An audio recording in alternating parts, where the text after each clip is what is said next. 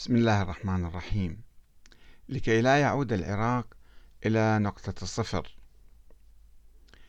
لابد من إدانة استخدام النظام العراقي القوة المفرطة ضد المتظاهرين المسالمين.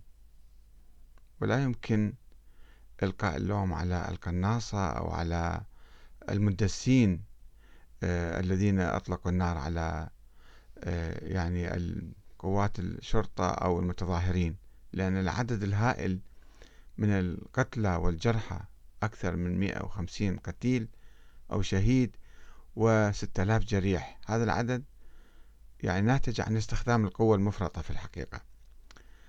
آه لابد من إدانة استخدام النظام العراقي القوة المفرطة ولكن هذا لا يكفي.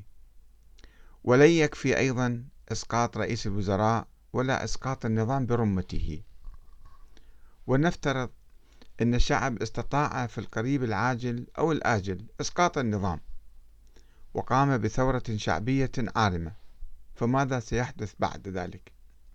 هل سيبرز قائد عسكري من بين الجماهير مثل عبد الكريم قاسم؟ وهل سيتألف حزب جديد فيستلم السلطة أو أحزاب متعددة مثلا ويعيد ذلك الحزب أو الحاكم كتابة الدستور ثم يفعل ماذا؟ هل سيقبض على السلطة بصورة عسكرية ديكتاتورية؟ أم سيعيد السلطة للشعب ويجري انتخابات ديمقراطية؟ وفي هذه الحالة كيف سيكون النظام السياسي القادم؟ برلمانيا أم رئاسيا وفدراليا أم اتحاديا أم مركزيا موحدا؟ وهل سيجتث جميع الأحزاب المشاركة في السلطة اليوم؟ وهل يستطيع فعل ذلك؟ هل سيستخدم القوة مع المعارضة الحزبية والشعبية في المستقبل؟ أم سيتبع الأساليب الديمقراطية السلمية؟ في هذه الحالة نكون قد درنا دورة, دورة كاملة ووصلنا إلى نقطة البداية صحيح أن هذا النظام هو من صنع الاحتلال الأمريكي ولكنه يتألف من جميع الأحزاب والطوائف والقوميات والقبائل والمدن التي تشكل بصورة عامة المجتمع العراقي يعني هو ابن المجتمع العراقي وابن العراق. وقد صوت هذا المجتمع على دستور 2005 وشارك بكثافة في الانتخابات الأولى.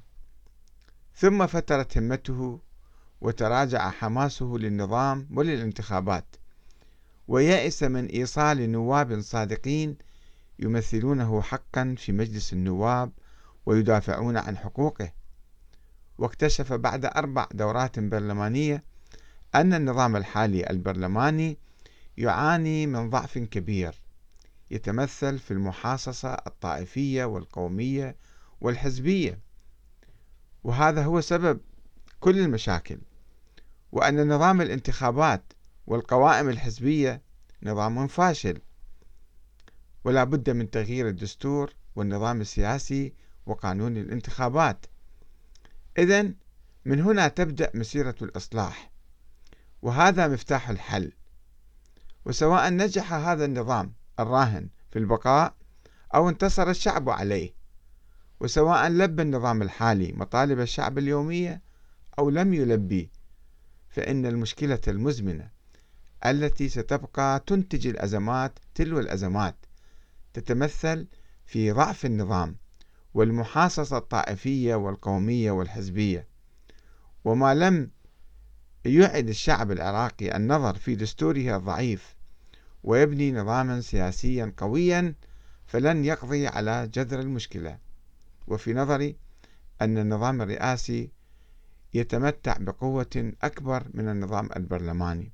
صحيح هناك مخاوف من تحوله إلى نظام ديكتاتوري ولكن بعض الناس الآن يطالبون بحكم عسكري بدل هذا النظام ويقولون يا ليت يرجع لنا الحكم العسكري ولا هذا النظام. فما هو الحل؟ ليس بإسقاط صناديق الاقتراع بالمرة أو إلغاء النظام الديمقراطي والعودة إلى الحكم العسكري وإنما باختيار نظام آه، قوي وهو النظام الرئاسي. فلا بد أن نركز في الحقيقة جميعا على إصلاح جذر المرض ولا مع وليس معالجة آه، العوارض المرضية فقط. العوارض تأتي وتروح يعني بمثلا بعض الوعود أو بعض الإصلاحات هذا لا يكفي. نحن نريد نظاما قويا وهذا النظام يتحقق بتغيير الدستور من نظام برلماني إلى نظام رئاسي. فكروا في هذه المسألة وادرسوها جيدا وقرروا بعد ذلك. والسلام عليكم ورحمة الله وبركاته.